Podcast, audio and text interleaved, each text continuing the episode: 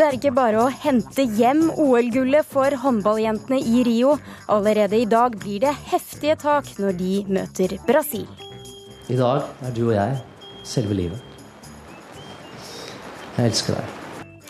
Det sa Ari Behn til prinsesse Märtha Louise for 14 år siden, men nå er det slutt.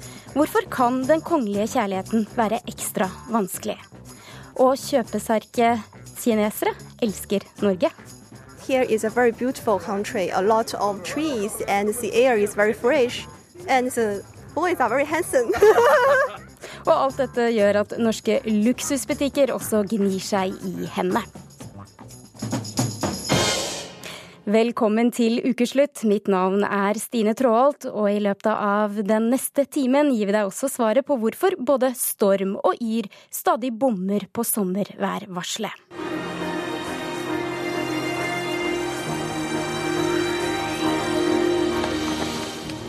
I natt så marsjerte flaggbærere og deltakere fra land etter land inn på stadion i Rio.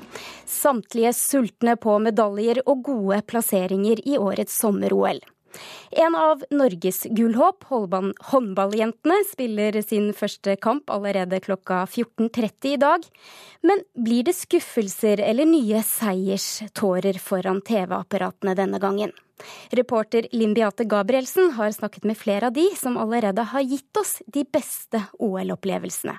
Om deres beste og verste minner. Jeg er redd for, jeg er redd for at Knut ikke klarte dette.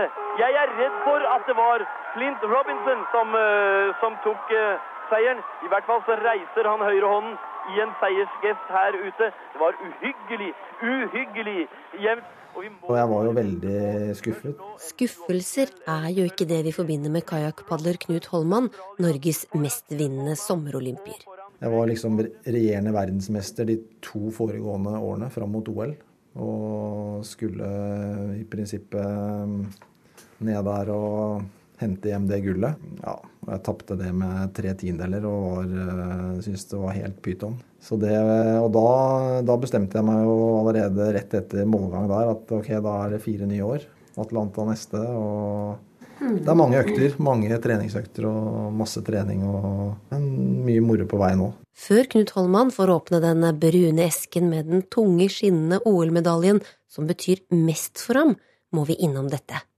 Steinar Hoen på vei framover, og så går han opp. Å, det var et godt forsøk! Å, det var et godt forsøk! Han trodde et øyeblikk han var over. Men sølv er skuffelse for noen, er femteplass et beste minne for høydehopper Steinar Hoen. Det er utvilsomt eh, fra OL i Atlanta i 1996, hvor jeg var med og kjempet eh, helt til slutt om medaljene. Det endte til slutt eh, med en femteplass på 2.32, som var nye årsbeste. Men jeg var med og kjempet og hadde et siste forsøk på 2.37, som var fantastisk bra. og det, Da sto det om medaljer. Og den opplevelsen da å være med helt til slutt med 80 000 på tribunen og milliarder TV-seere, å vite det at du kunne ha sjanse å ta medalje og vinne, den sitter i. Og Da gjør det ikke så mye om det ikke lyktes akkurat der og da, eh, for jeg hadde muligheten. Men det har aldri i olympisk historie blitt vunnet en OL-finale med så stor margin som Norge presterer nå. Marit... Mitt beste OL-minne det må helt klart være å stå der med den gullmedaljen etter finalen. Gro Hammerseng var en av gulljentene i håndball i OL i 2008 jeg kjenner på den følelsen av å ha vunnet sammen med masse, masse herlige folk. Og faktisk det var veldig rørende å tenke på at mamma var i, i hallen òg husker jeg tenkte på når jeg sto der. Det skjer stakere ting i spydkonkurransen, og så trekker han armene i været, og det er ja! Det er over 90 meter på Andreas Torkelsen, og han kommer til å bli olympisk mester, den der! Jeg husker at Andreas Torkelsen tok gull på om det var samme dagen som oss, eller dagen etter. Det, det var en sånn veldig sterk opplevelse, fordi vi hadde blitt litt kjent og fulgt ham. og og man føler seg jo veldig sånn nasjonalistisk og norsk når man er i OL og representerer. Så det husker jeg veldig godt når han vant gull. Kommer Ingrid fram til eh, passering, og, så bryter Ingrid Kristiansen! Og så bryter Ingrid Kristiansen! Så Det var faktisk mitt verste minne å bli båret ut av Olympiastadion. Det var min største muligheten til å vinne et OL-gull. 10 000-meteren i OL i Seoul i 1988 er Ingrid Kristiansens verste OL-minne. Men et av de beste står hun ikke for selv. Når jeg har sittet og sett på kajakkpadling og Knut Holman, jeg syns det han gjorde i de olympiadene han, eh, han var med, eh, var helt fantastisk. Og så vår mann, da. Knut Holman. Fire ganger verdensmester på distansen. Masse sølvmedaljer og sølv i OL, husker vi. Det jeg tenker nå om, om det løpet, var at det Og det jeg tror jeg tenkte den gangen nå, var at eh, at jeg fikk liksom de første 500 meterne veldig lett, på en måte. Det betyr ingenting. Og så ser vi Knut her. Nå er han oppe ja. på siden av Clint Robinson. Det er, det er, på en måte deilig å ligge sånn og sånn å på en måte vente på spurten. Vite at du kan gå til enda, enda mer. Se, Se på taket! Ja, han kjører bra. Se her! Se her, dere! Han går fram og med! Dette ja. må da holde inn! Der setter du inn? Der setter jeg inn støtet, ja. Nå, nå drar, jeg, drar, jeg, litt fra her og, og, skjønner det, og da får jeg jo helt uante krefter, på en måte. Når du, du kommer inn i en sånn uh, boble og en tunnel, og du får helt sånn Helt uh, tunnelsyn, og du bare Ja. Man blir litt sånn uovervinnelig. det ble du. Ja, det ble Knut vinner! Knut vinner! Olympisk mester, dere! Ja, til slutt hørte vi her fra Knut Holmann seier. Håndballjentene omtales nå som vårt sikreste medaljekort, og i dag møter de altså vertsnasjonen Brasil. NRK-journalist Patrick Steen Rovlands, du er på plass i Rio. Er det noen grunn til å tro at de har funnet formen?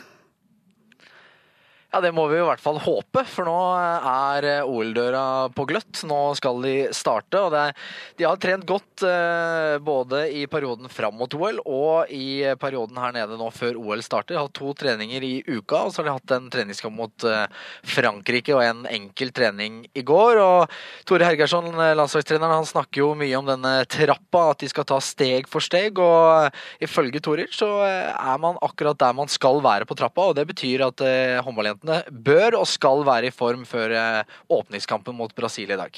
Men det har vært en liten omstillingsprosess eh, for de, for de spiller nå tidlig på morgenen eh, pga. tidsforskjellen. Hvordan har oppkjøringen for dem vært? Ja, De har eh, tatt høyde for det. det vil Si at de, de, legger seg ganske tidlig eh, når de har vært her borte. og De står opp også ganske tidlig for å bli vant og gjøre kroppen vant til å måtte stå opp klokken fem eller, eller seks på morgenen og, og, gå gjennom de rutinene de har før kamp. Eh, spise og eh, kanskje ta seg en eh, gåtur eller en lett joggetur, og så komme seg til hallen. Er jo en god del eh, reise, selv om ikke det er langt fra den olympiske landsbyen og så til parken hvor de skal spille. Så, så alt på en måte spiller med, men de har tatt alle forhåndsregler, de har gjort alt. Og er det én ting som det norske landslaget og Tore Hergersson og hans team er veldig godt kjent for, så er det det at de er veldig godt forberedt. Og det, det virker de til å være denne gangen også. Men Brasil i OL i Rio, er det mulig å vinne åpningskampen? Ja, det er mulig. Eh, så absolutt. Norge er jo regjerende OL. Men realistisk er vel kanskje et bedre spørsmål? Ja, jeg eh, tror dette blir tøft. Dette er eh, vertsnasjonen. Det er eh, verdensmesteren fra 2013 som Norge møter. Et lag som Norge har slitt med en del.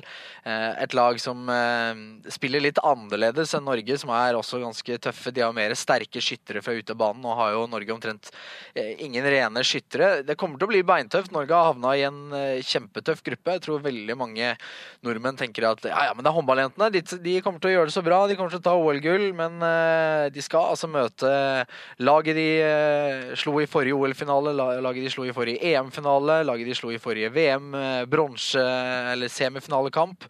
Det de afrikanske mesterne som har vunnet alle mesterskap siden 1989 i Afrika, bortsett fra tre.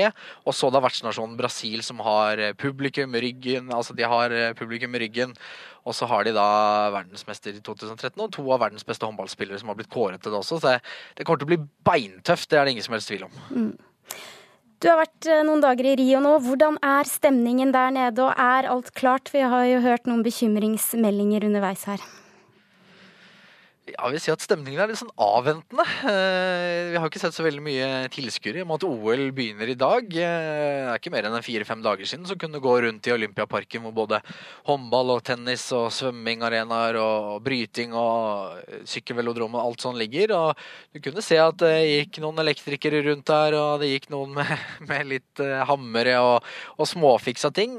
De har forsvunnet litt de siste dagene, men det er fortsatt steder i Olympiaparken som ser litt litt sånn halvferdig ut, ser ut som en liten byggeplass. Men inne i hallen hvor håndballjentene skal spille, der ser det ganske bra ut. Der ser det helt ferdig ut. Det er klamt, det er varmt, så vi får håpe at det ikke gir så veldig mye utslag. Men jeg tror stemninga akkurat nå er litt sånn avventende. Så fikk vi se en fest av en åpningsseremoni i går, og så får vi håpe at publikum strømmer til i dag. Det er vi selvfølgelig også spente på. Den hallen tar 12 000 tilskuere.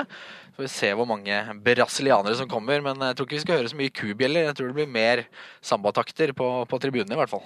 Og alle kan følge kampen i P1. Sendingen den starter klokken 14.03. Takk, Patrick Steen Rollands.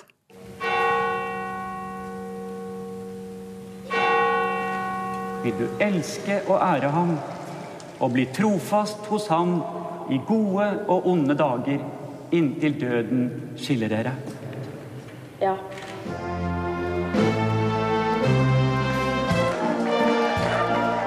Kjærlighetens vinger fløy jeg over. Hva kjærligheten makter, vil den våge. I dag er du og jeg selve livet. Jeg elsker deg. I 14 år har de vært et av Norges mest omtalte ektepar. Hun gråt av lykke da hun ble forlovet med mannen som hadde erklært seg selv som den nye vinen. De ga oss kjærlighetsboken Hjerte til hjerte, hvor Märtha Louise ble beskrevet som en lysfontene. Og Ari Behn har gitt ut noveller med personlige skildringer fra ekteskapet. Men nå er det over. Det er helt normalt at folk skilles, men det er alt jeg vil vite om det også. Eh, ja, det leste jeg på Facebook akkurat nå. Eh, overraska? Nei, ikke så overraska egentlig.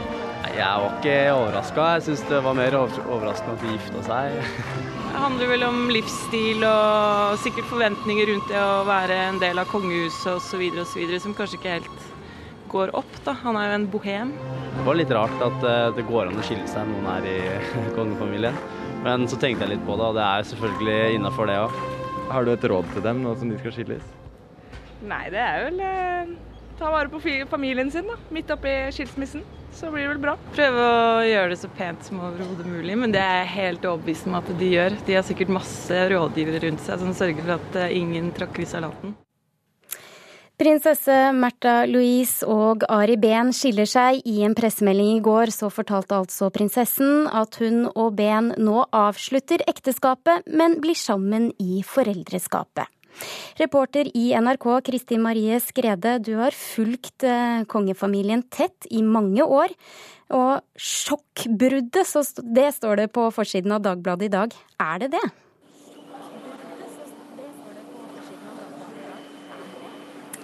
Jeg vet ikke, Sjokk er vel kanskje rette ordet for noen. Eh, det har jo dann og vann gått rykte om knuter på tråden mellom disse to. Eh, men som reporter så syns jeg de har framstått som varme og samstemte i det offentlige. Eh, både i Trondheim, der de var med under kongeparet sitt regentjubileum i juni, i lag med alle de tre døtrene, og da de representerte Norge under 70-årsjubileet til kong Karl Gustav i Sverige.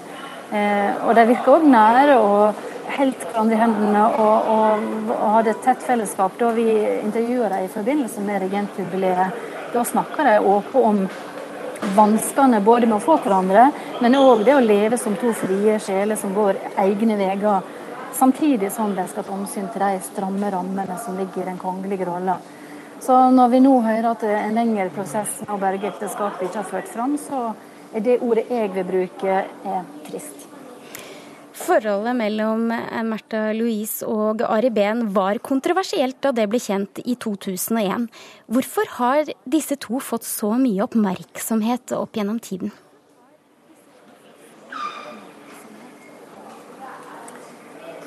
De er to uh, utadvendte uh, personer som går egne veier. Uh, og en fri kunstner så profilert som Ari var, som kongens svigersønn, det var jo virkelig en bombe da det kom. Og at Märtha Louise i tillegg til det valgte engleskjulet å være åpen om kommunikasjon med eh, det åndelige og, og, og, og det overfølsomme. Det tenker jeg det er så spesielt i kongelig sammenheng at det bare roper etter overskrifter. Bare si det at du er på en linje som det er litt forsinkelse på, men det skal vi klare oss igjennom. Eh, de to, har de forandret det norske eh, monarkiet på noen måte? konstitusjonelt har de ikke forandra noen ting. Eh, for til det så ble prinsessas rolle skilt fra det kongelige da, da de gifte seg. Men menneskelig så vil jeg si de har åpna opp. De har stått på sin rett til å leve ut sine potensial og sine ønsker, og ikke la de kongelige rammene hindre dem. Og Det har nok ikke vært noen spøk å være kunstner og kongens svigersønn, men de har fått god hjelp av kongen og dronninga som alltid har støtta dem. Så moderniseringa av kongen og dronninga bidrar til i denne sammenhengen. Det er mange som ønsker seg et intervju nå. Tror du at vi kommer til å høre noe mer fra dem de nærmeste dagene? Det tviler jeg veldig sterkt på. Jeg tror dette var godt eh, planlagt, eh, og det ble kjent på en fredag ettermiddag når redaksjonene har eh, lite folk på jobb. Og jeg tror de har reist langt vekk for å unngå kameralins og mikrofoner. Eh, og de har tre døtre. Eh, og det er å verne familien i denne tida som er det viktigste. Kjenner jeg norsk presserett, så får jeg være i fred om det såreste kapitlet i familielivet så langt. Bruddet det har skapt eh, store overskrifter også i Sverige. Kongehusreporter i Ekspressen Johan T. Lindvall, du uttalte i går at Ari Behn har vært en belastning for det norske kongehuset. Hva legger du i det? Eh, I og med at han har gjort kontroversielle uttalanden gjennom åren og ulike utspill der eh, eh, kung Harald og även drottning Sonja flere ganger har gått fram og fordømt fördömt det så har det blivit en belastning desto mer det har pågått og desto flere saker han har gjort, uten tvekan. Hva slags oppmerksomhet har de fått i Sverige? Det er største nyheten også i Sverige. Precis som jeg så VG og Dagbladet her i morse og det här är även första nyheten på Expressen. Eh, Märta Lise är ju väldigt populär i Sverige och eh, Ari Behn är ju en väldigt känd person även i Sverige där svenske svenska folket känner till honom mycket väl. Så även här är det en stor nyhet. Var det det för dig också? Ja, jag skulle säga både och. Eh, jag blir lite förvånad för att det har pågått så länge och det har varit så många saker genom åren där Märta-Lisa har stått upp för Ari och man har sett hur stark kärleken har varit. Och man tycker väl lite att de hade ridit igenom de värsta sakerna. Så därför blev jag lite förvånad att det kom just nu.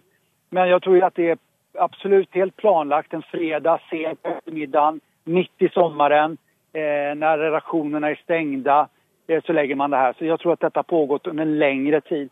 Og vi märkte også det her i, i våras når både Märtha och Oreben var i Sverige for å feire svenske kungen og også prins Oskar Stop senere som skulle bli så avvek man ved den obligatoriske obligatoriska gruppfotograferingen. Man var ikke med der.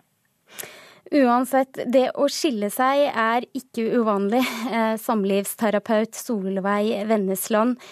Er den kongelige kjærligheten ekstra vanskelig?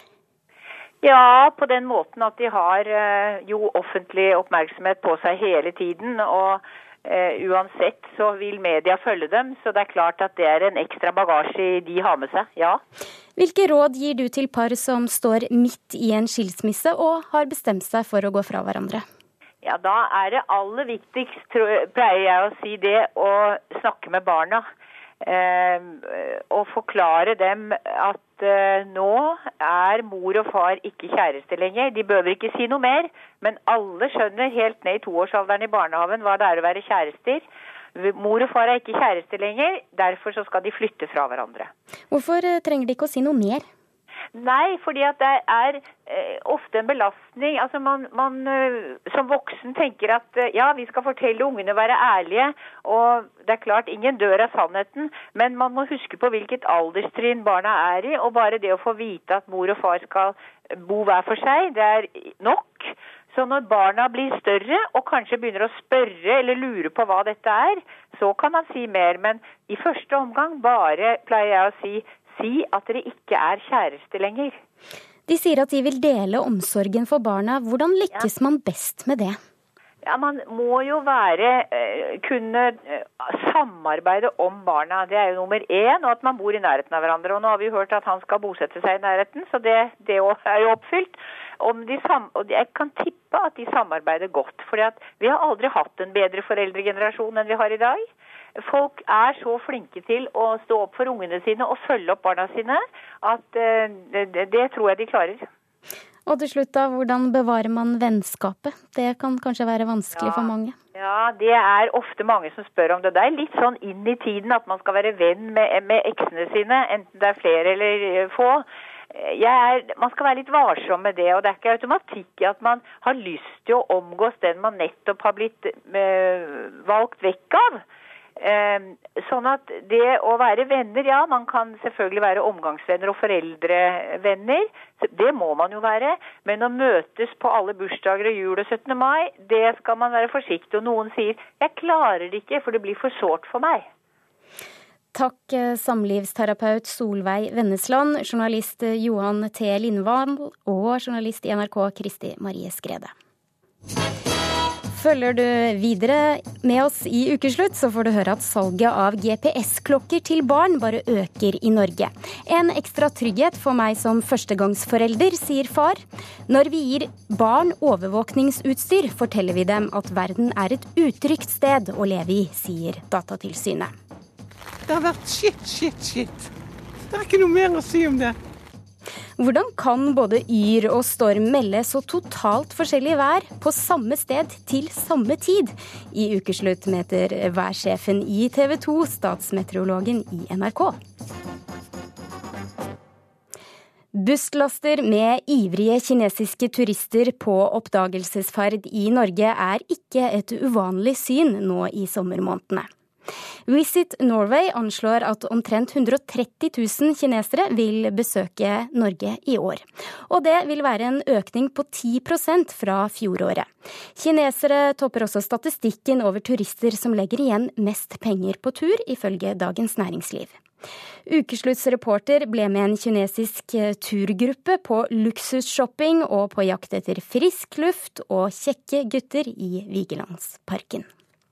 Here is a very beautiful country, a lot of trees, and the air is very fresh, and the boys are very handsome. Sammen med et tjuetalls andre kinesere, anført av en kinesisk guide som veiver ivrig med et kinesisk flagg, er 21 år gamle Sherry fra Shanghai henrykt over å endelig være i Norge. Really. Mens hun rusler rundt i Vigelandsparken, lar hun seg imponere av de grønne trærne, den rene lufta og ikke minst kjekke norske gutter. So walk around uh, not? not just the boys. Not just boys. Sherry representerer en stadig voksende gruppe, nemlig kinesere som reiser på rundtur i de nordiske landene. Our country is getting better and better, and most of the people have the money. Landet vårt blir bedre og bedre, noe som gjør at stadig flere kinesere har råd til å reise rundt omkring. Og da er Norge et veldig attraktivt reisemål for kinesere, sier Sherry. For å si det litt eh, tabloid, kineserne kommer og har masse penger mellom, mellom hendene. Olav Chen er fondsforvalter i Storebrand kapitalforvaltning og følger den økonomiske utviklingen i Kina tett. Han mener det er mange årsaker til at Kina er i ferd med å bli et av verdens viktigste markeder for vestlige turoperatører. Kinas middelklasse har eksplodert med den velstandsøkningen og veksten som den økonomien har hatt. Det andre er jo selvfølgelig at det er ekstremt mange kinesere. Den tredje faktoren tror jeg også at kineserne generelt liker Europa og Norge veldig godt. I have been a lot of country, not only here. Chris er teamleader for Sherrys turgruppe.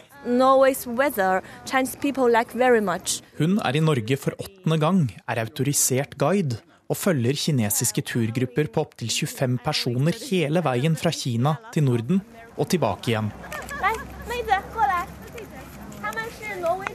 Selv om dagene er lange, er det viktig at det blir satt av tid til særlig én aktivitet. Chinese people like shopping. Kinesere liker å shoppe, og vi har satt av ekstra tid til shopping i Prinsens gate, sier teamleader Chris. Det er nok eh, high end kinesiske turister som kommer til Norge og Norden.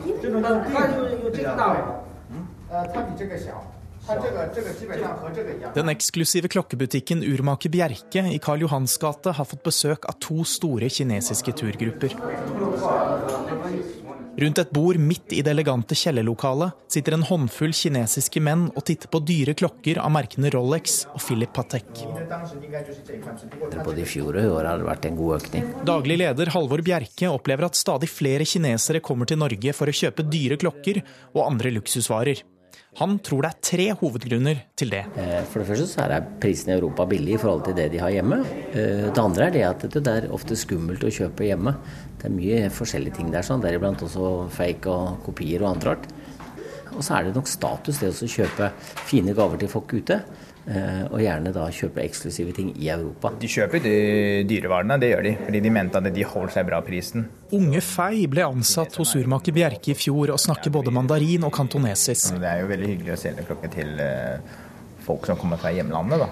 Når innkjøpssultne kinesere entrer butikken, er det Fei som står for kommunikasjon og salg. Altså, de, de, føler jo tryggere når jeg kan snakke jo mandarin med dem.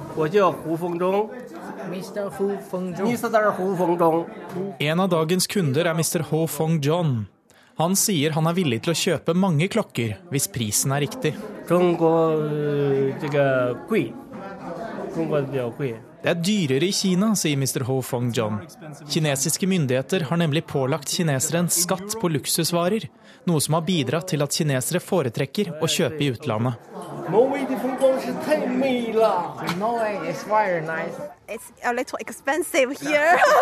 Men ikke alle er kommet til Norge for å shoppe. The most important thing is just open your mind and your eyes and to see very different people and cultures. For meg er det vel så viktig å åpne øynene for forskjellige mennesker og kulturer. Jeg blir mer moden av å reise og lærer om andre levesett, sier Sherry. I'm from China. Yeah, from China. I'm Chinese. Where do you live?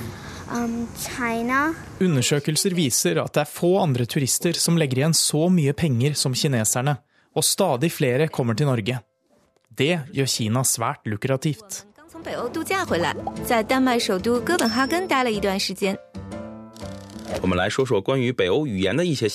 At kinesisk turisme er noe å satse på, er ingen ny oppdagelse. I 2012 ble Chinavia lansert. Et forskningsprosjekt som skal stimulere til økt kinesisk turisme i de skandinaviske landene. Hei. Hei, hei. Hei. De holder bl.a. kurs i hvordan behandle kinesiske turister, og har laget flere animasjonsfilmer som viser frem skandinavisk kultur og språk.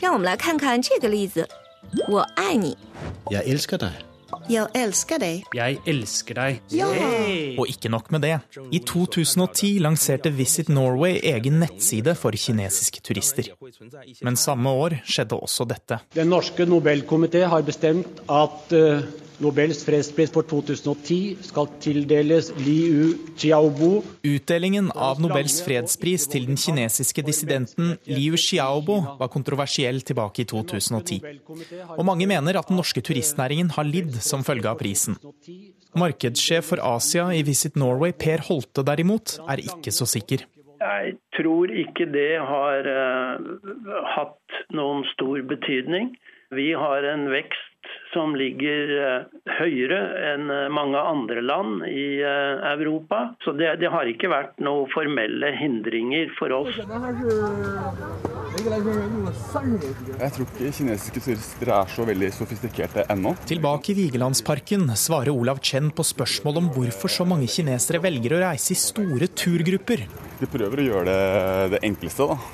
Og reiser sammen. og så er det sikkert eh, mer effektivt og økonomisk også. Med sine 1,4 milliarder innbyggere er det kanskje ikke så rart at Vigelandsparken gjester noen kinesere på en solfylt augustdag. Your country is beautiful.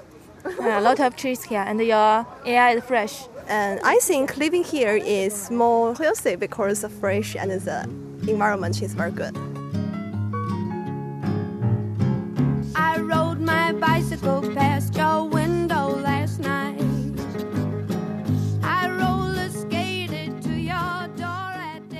Reporter Fredrik Brågeland Låke.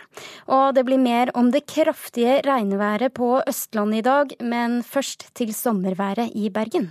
Det har vært shit, shit, shit. Det er ikke noe mer å si om det. Jeg syns juni var fin, men juli har vært helt vanvittig.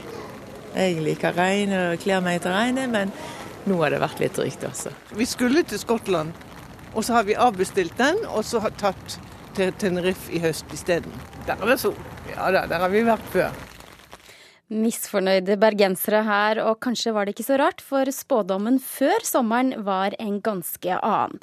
Det blir en knallsommer i Bergen, det sa Eli Kari Gjengedal til Bergensavisen den 11. juni. I mange år så har jeg fulgt med på når løvet på bjørken spretter ut, og jo tidligere det skjer, jo bedre sommer får vi. I år spratt løvet allerede 1. mai, utdypet værsjefen i TV 2, mens hun og kollegene lot seg avbilde i avisa, glisende med pølsefest i sola på Nordnes i Bergen. Men det var altså i juni, og denne uka så måtte du legge deg flat i samme avis, Eli Kari Engendal. Hva skjedde? veldig, veldig godt spørsmål. Nei, naturen og atmosfæren lever jo eh, sitt helt eh, eget liv. Det er veldig, veldig vanskelig å eh, prøve å si noe om framtida når det gjelder det aller meste, ikke bare været. Og spådommer, det er jo alltid spennende om, om det slår til når fasiten kommer, og i år var det totalt bom. Ja, og likevel nå, selv om du legger deg flat, så må jeg gni det litt inn. For det har jo ikke bare regnet litt, det har flommet over i Bergen så mye at eh, brannvesenet har måttet rykke ut til flere oversvømmelser.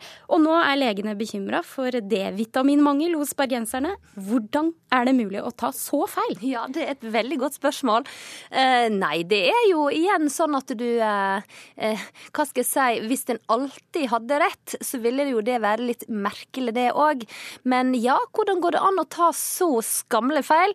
Eh, et godt spørsmål. Men så er det jo noe med at jeg må få lov å ta et litt mer nyansert bilde av det òg, da. Fordi um, både mai og juni var jo veldig fine måneder eh, i Sør-Norge generelt.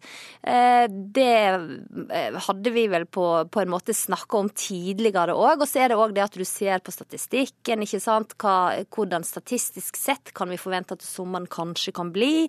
Og det var flere værselskap som var ute med disse sesongvarslene sine, og de skal jo vi ta med en klype salt. Det vet jo alle som jobber med vær, fordi at de går tre-fire måneder fram i tid, ikke sant. Eh, men så var det liksom det at tre av fire av disse sesongvarslene var jo veldig positive. Eh, så det var så mange sammenfallende parameter da som tilsa at i år så skulle vi få bra vær. Og sommeren i fjor var jo veldig kald, det opplevde vi. Selv om vi, når vi så på fasiten, så var den ikke fullt så kald. Men ja, det går an å ta så feil.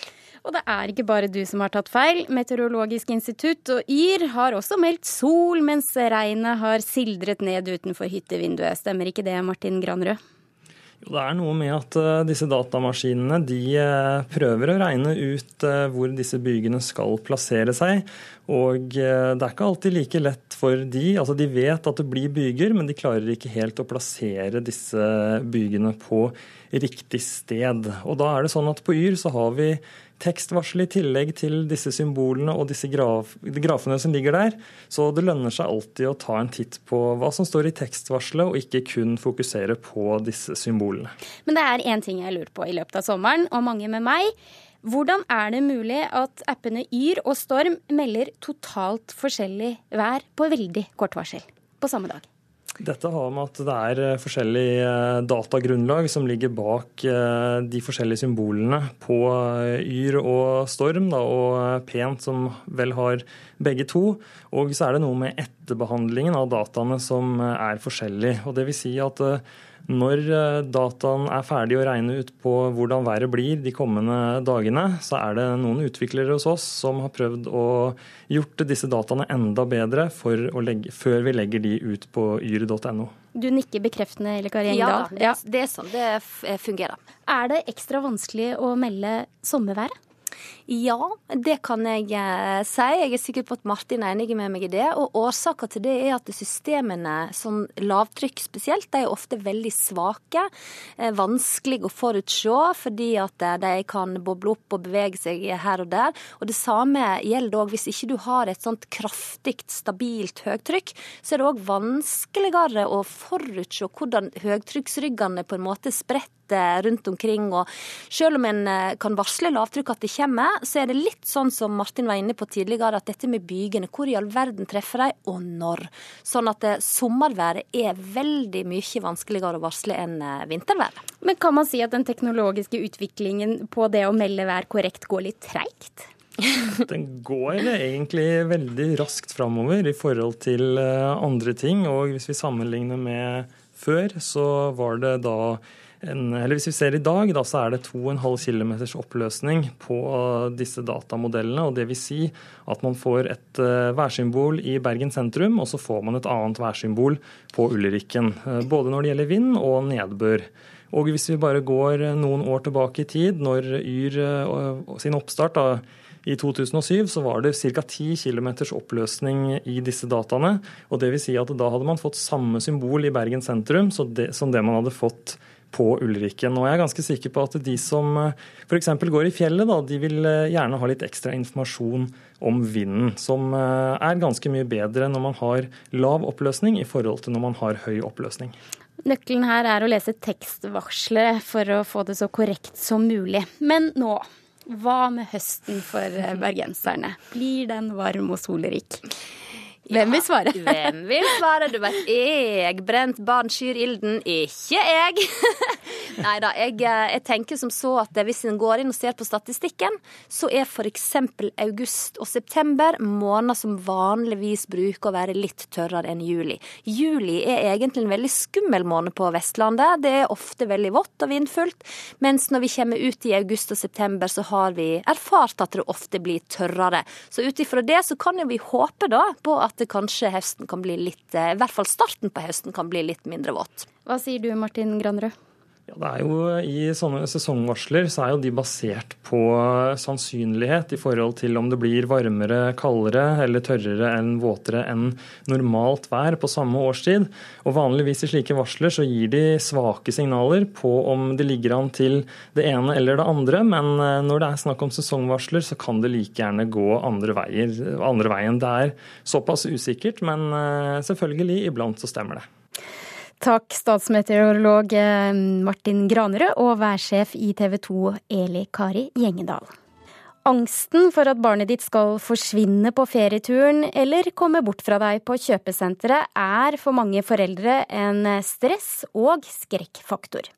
Mange finner løsningen i ny teknologi. Dagens Næringsliv fortalte denne uka at interessen for smartklokker til barn med GPS-sporing nå bare vokser i Norge. Paul Tyrmer, du har kjøpt en slik eh, klokke til datteren din på fire og et halvt år. Hva fikk deg til å gjøre det? Eh, det var litt eh, i alt som sier, det, det, som har blitt sagt tidligere i forhold til trygghet. da. I forhold til hvis vi er ute blant store folkemengder, si 17. mai, handelens dag, sånne Tusenfryd. Plutselig så er, er ungen borte, og da snur du deg, og da får du litt sjokk. Og da er det lett å kunne bare ringe til telefonen og gjerne berolige til seg selv og, og barnet, da. Har du hatt noen opplevelser som har satt støkk i deg som forelder? Altså når du, har, når du er foreldre, eh, førstegangsforeldre eh, og har små barn, så er jo egentlig alt, eh, alt et støkk. Bare du skal slippe de ut i hagen for første gang og de løper rundt huset. Hvordan fungerer denne klokka? Den er veldig enkel. Ehm, du kan ringe til den, og hun kan ringe til oss. Og det er kun vi som står i lista som kan ringe til henne, og eh, hun kan kun ringe til oss. Hvor ofte bruker eh, hun denne klokken? Nå, vi var i Spania en uke tidligere i sommer, og da, da brukte hun Der nede så brukte hun to, to ganger. Fordi vi var på, på et marked i, i Torvekja. Eh, to ganger. Eh, etter det i sommer så har hun brukt den tre ganger eller noe. Så det, det er ikke noe hun går med til daglig. Men hva med de helt vanlige rådene om at man må være forsiktig når man er på sånne markeder som du forteller nå? Jo, vi, vi snakker jo hele tida med henne om det. Altså, selv om hun går med klokka, så er jo den Altså, Vi lener oss ikke tilbake og bare durer på. Det er, vi, vi følger med og holder i handa og sånn. Men du, du, vet det er en stor folkemengde, plutselig blir det adskilt. Så har man den lille, lille sikkerheten ekstra, da. Du var veldig skeptisk før du kjøpte klokka, har du fortalt meg. Hvorfor eh, var du det? Nei, det var jo det med Altså, det er jo noe nytt. Det er en ny teknologi. Usikker på hvordan det er, hvordan det fungerer. Eh, og så er det jo det som, som Datatilsynet også har snakka om i forhold til personvern.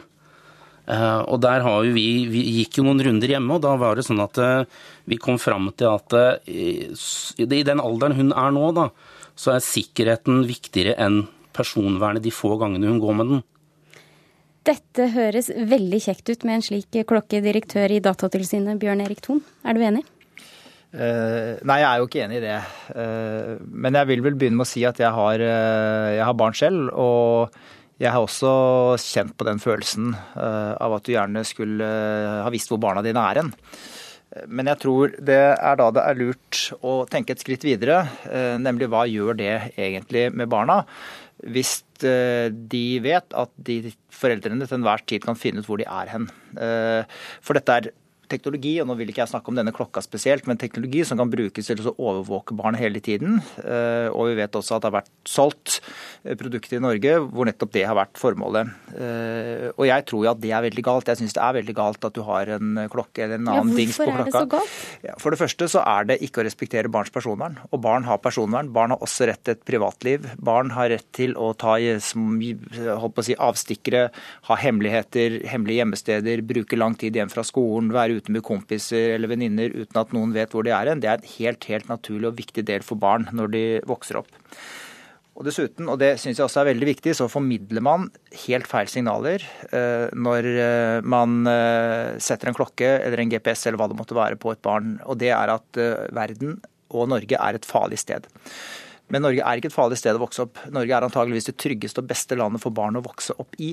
Og når man da putter et eller annet overvåkningsinstrument på ungene, så formidler man jo helt feil signaler. Så jeg tror faktisk dette bidrar til å skape både usikre barn øh, og utrygge barn, øh, fremfor det som øh, er kanskje hensikten, å skape trygghet. Thomas Mathisen, gründer av nettbutikken GPS for barn.no. Selger dere en falsk trygghet til barn? Nei, det gjør vi ikke. Vi selger jo først og fremst en mobiltelefon som er i en form av en klokke. Og alle de som har en iPhone i dag, vet jo det at du kan trykke på Find my iPhone, så ser du hvor telefonen er. Så, og barnet er nok Jeg opplevde det at dattera mi ringte meg i fjor og sa at 'pappa, jeg vet ikke hvor jeg er'. Hun var da fem år. Um, I dag så kan jeg se hvor hun er, så det er en trygghet for henne. Samt at det er en trygghet for meg at jeg kan ringe henne og si at nå må du komme hjem, og sånne ting. Og vi har jo en avtale med barna våre om at vi går ikke inn og ser på historikken på hvor de har vært hen. Og det er jo et tillitsforhold oss imellom. Men det kan jo sikkert være fristende, og særlig eh, hvis dere er utrygge på hvor de er. Hva med barnas rett til privatliv, som det blir sagt her? Du kan si at når barnet er fem-seks år, så tror jeg ikke de vil ha noe problem med det. Man må jo ha en dialog med barnet om dette er ålreit. Og så trenger man ikke å bruke denne klokka hele tiden. Men hvis barnet forsvinner, og hvis man ikke får tak i barnet, så vil man da trykke på Find my iPhone hvis man har en telefon, eller vil man gå inn på appen på denne klokka og se hvor den er. En moderat bruk bør være greit, Bjørn Erik Thon? Etter min mening så skaper man her et, eh, et, behov for noe man egentlig ikke har behov for. Eh, det er ikke noe annerledes å leve eller vokse opp i dag enn det var for tre år siden, eller fem år siden, eller ti år siden, eller for den saks skyld kanskje 52 år siden når jeg vokste opp. Eh, det handler om at foreldre skal ta vare på barna sine, og det må de kunne klare uten at de setter et overvåkningsinstrument på dem som gjør at de til enhver tid kan se hvor de er hen. Og jeg syns ikke, ikke, det er noen, noen grunn i hele tatt til å ha en, en, klokke på barna. Altså man, man, må jo kunne stole på det, man kan gjøre avtaler med de, og man må være en helt god oppdrager. Eh, og jeg syns det at man begynner å sette en klokke eller et annet overvåkningsinstrument på barna, det bidrar ikke til annet enn usikkerhet, utrygghet. Eh, og hvordan skal vi Jeg bare skal si en ting til. Hvordan skal vi klare å lære barn godt personvern, som er en ting som er så viktig at foreldre gjør, når foreldrene ikke respekterer barnas personvern? Det blir helt umulig. Thomas Mathisen, det må du svare på. Ja. Uh, han er jo ikke imot uh, en mobiltelefon for barn. Er du det? Eh, jeg pleier ikke å diskutere aldersgrense aldersgrenser for barn, men, eh, nei, på, på, mobiltelefoner. Men at barn skal kunne ha en mobiltelefon, det er jeg for så vidt ikke noe imot, selv om det er en grense for det. Men det er jo ikke det det er snakk om her. ikke sant? Dette her er snakk om, og nå skal ikke jeg snakke om den der klokken din, men generelt om man skal ha sporingsinstrumenter for barn. For det er i realiteten det du selger. Og det syns jeg at man ikke skal ha. Jeg syns at foreldrene skal passe på ungene sine, at man skal gjøre avtaler med dem, og at man skal få lov til å gjøre stort sett hva de vil innenfor de rammene man skal få lov til, å, få lov til hjemmefra, uten å putte en eller annen dings på dem for å se hvor de er hen. I alle moderne mobiltelefoner så sitter en GPS-chip. Og en seksåring oppretter ikke sin egen Google-konto eller iCloud-konto. Det gjør mor og far. Dvs. Si at de bestandig har passordet til den kontoen. De kan når som helst gå inn og se hvor denne telefonen er. Vår klokke er ikke noe ulik en helt vanlig mobiltelefon i dag. Ton, er det ikke dette noe vi må venne oss til, akkurat som det vi har gjort med mobilen? Verden går videre.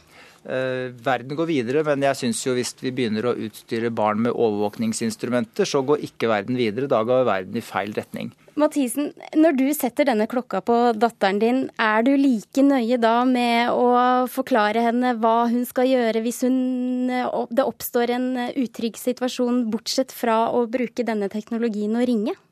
Ja. Jeg forteller datteren min at hun skal ikke gå inn i biler til fremmede menn eller, eller personer. Eh, jeg forteller henne at hun må komme hjem hvis hun slår seg, osv. osv. Men jeg forteller henne også at eh, du kan være ute til jeg ringer. Eller til at jeg har lagt en alarm på klokka di som, som begynner å pipe. Da skal du komme hjem. Og jeg bruker jo ikke denne klokka så, så, mye. Hun har den ofte på armen sin når hun er ute. Men det er jo pga. sikkerheten. Dvs. Si at hvis jeg skal ha tak i dattera mi, hvis plutselig noe skjer med kona mi, vi må på sykehus og sånne ting, og jeg sier til dattera mi vet du hva, du har friheten til å gå til akkurat hvem venn du vil.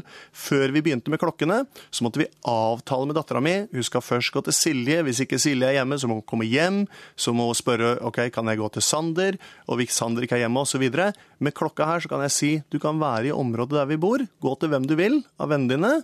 Når jeg ringer, så må du komme hjem. Til slutt, Paul eh, Tyrmer. Nå ja. hører du denne debatten. Hvordan påvirker det deg og bruken av klokka for datteren din? Jeg, jeg føler ikke at det påvirker bruken noe særlig, for bruken per i dag er ikke veldig stor. Eh, jeg føler jo litt at når Datatilsynet sier det, de sier at jeg, jeg får følelsen at jeg er en dårlig foreldre. Jeg er jo ikke det. Jeg gjør akkurat det samme som min mor gjorde med meg når jeg var liten. Vi snakker om det. Vi, vi, vi, prater om hva som ligger bak det, og at, som Thomas sier, også at hun kan gå hvor hun vil. Men at er det noe, ring oss. Så jeg, jeg, jeg kjenner jeg blir litt sånn eh, stressa av Datatilsynet da, når de går så hardt ut. For det er, det er, jo ikke, det er ikke snakk om overvåking her. Det skal du få lov å svare på til slutt, Bjørn Erik Thon. Stresser dere? Nei, eh, vi stresser ikke. Vi forsøker å gi råd eh, om eh, hvordan man kan ivareta personvernet til ungene sine. Eh, og det er svært viktig at man respekterer barns personvern, eh, og kanskje spesielt sine egne barns. For de skal man også lære å respektere andres personvern, og da tror jeg det er viktig at foreldre går foran som et godt eksempel. Men til syvende og sist så er jo dette opp til hver enkelt forelder å bestemme eh, hva man ønsker å gjøre, og hvordan man ønsker å oppdra barna sine. Tusen takk for at dere var med i Ukeslutt. Paul Tyrmer og Thomas Mathisen og Bjørn Erik Thon. Regnet som nå høljer ned på Østlandet skaper store problemer flere steder, og 110-sentralen rykker ut til vann i kjellere og oversvømte veier. Vent med å kjøre, sier Veitrafikksentralen. Fortsetter dette kraftige regnværet, Christian Gislefoss? Altså Det vil nok fortsette med regnvær utover dagen. Eh, vest for Oslo så ser det nå ut til at de verste bygene har eh, passert oss. Men øst av Oslo, opp mot Gardermoen og sånn, og nord av Oslo, da, så vil det kunne gå kraftige tordenbyger. Og eh, ut ifra våre observasjoner tidligere i dag, så har Oslo Bygdøy. Her er det kommet 33,4 mm i løpet av bare én time. De har til nå i dag fått over 50 mm, så det er veldig mye vann som har kommet ned. Og det blir nok litt til utover ettermiddagen. Men så i kveld, da ser det ut til at bygene byggene skal gi seg. Kanskje sola også titter frem. Men vi kan jo se litt på resten av landet òg. Og eh, hvis vi går til Vestlandet, her er det oppholdsvei i dag. Perioder med sol. Blåser litt helt i sør, opp igjen eh, stiv kuling på Rogalandskysten. Lengre nordover, Trøndelag, eh, Nordland, en og annen regnbyge, men også en del sol mange steder. Og i Troms og Finnmark, her er det stort sett oppholdsvær, men noen eh, regnbyger i indre strøk. I ytre strøk så er det mye sol. Spitsbergen, her, eh, ja, her det, blir det en del skyer, og så etter hvert kanskje litt regn. Og hvis vi ser på temperaturene nå klokka 13, Tromsø 13 grader, Trondheim 16, Bergen 13, Kristiansand 18 og her i Oslo 14 grader. I morgen så ser det vesentlig bedre ut for eh, Østlandet sin del. Færre byger, og det blir eh, lange perioder med opphold. Men så blir det litt regn utover ettermiddagen og kvelden. Men det er ikke venta de samme mengdene som i dag. Vestlandet, her det er de som får nedbøren i morgen, ligger rundt opp imot en 30 millimeter eh, flere steder. Mest nedbør kan vi nok få ja, på Vestlandet sør for Stad. Trøndelag med Romsdal, en og annen regnbyge. Etter hvert også regn her. I eh, Nord-Norge så ser det ut til at det blir spredte regnbyger, men også gløtt av sol de aller fleste stedene. Og når det er vind, så blir det mest vind i, på Vestlandet. Og da må vi takke av ansvarlig for sendingen var Lisa Stokke.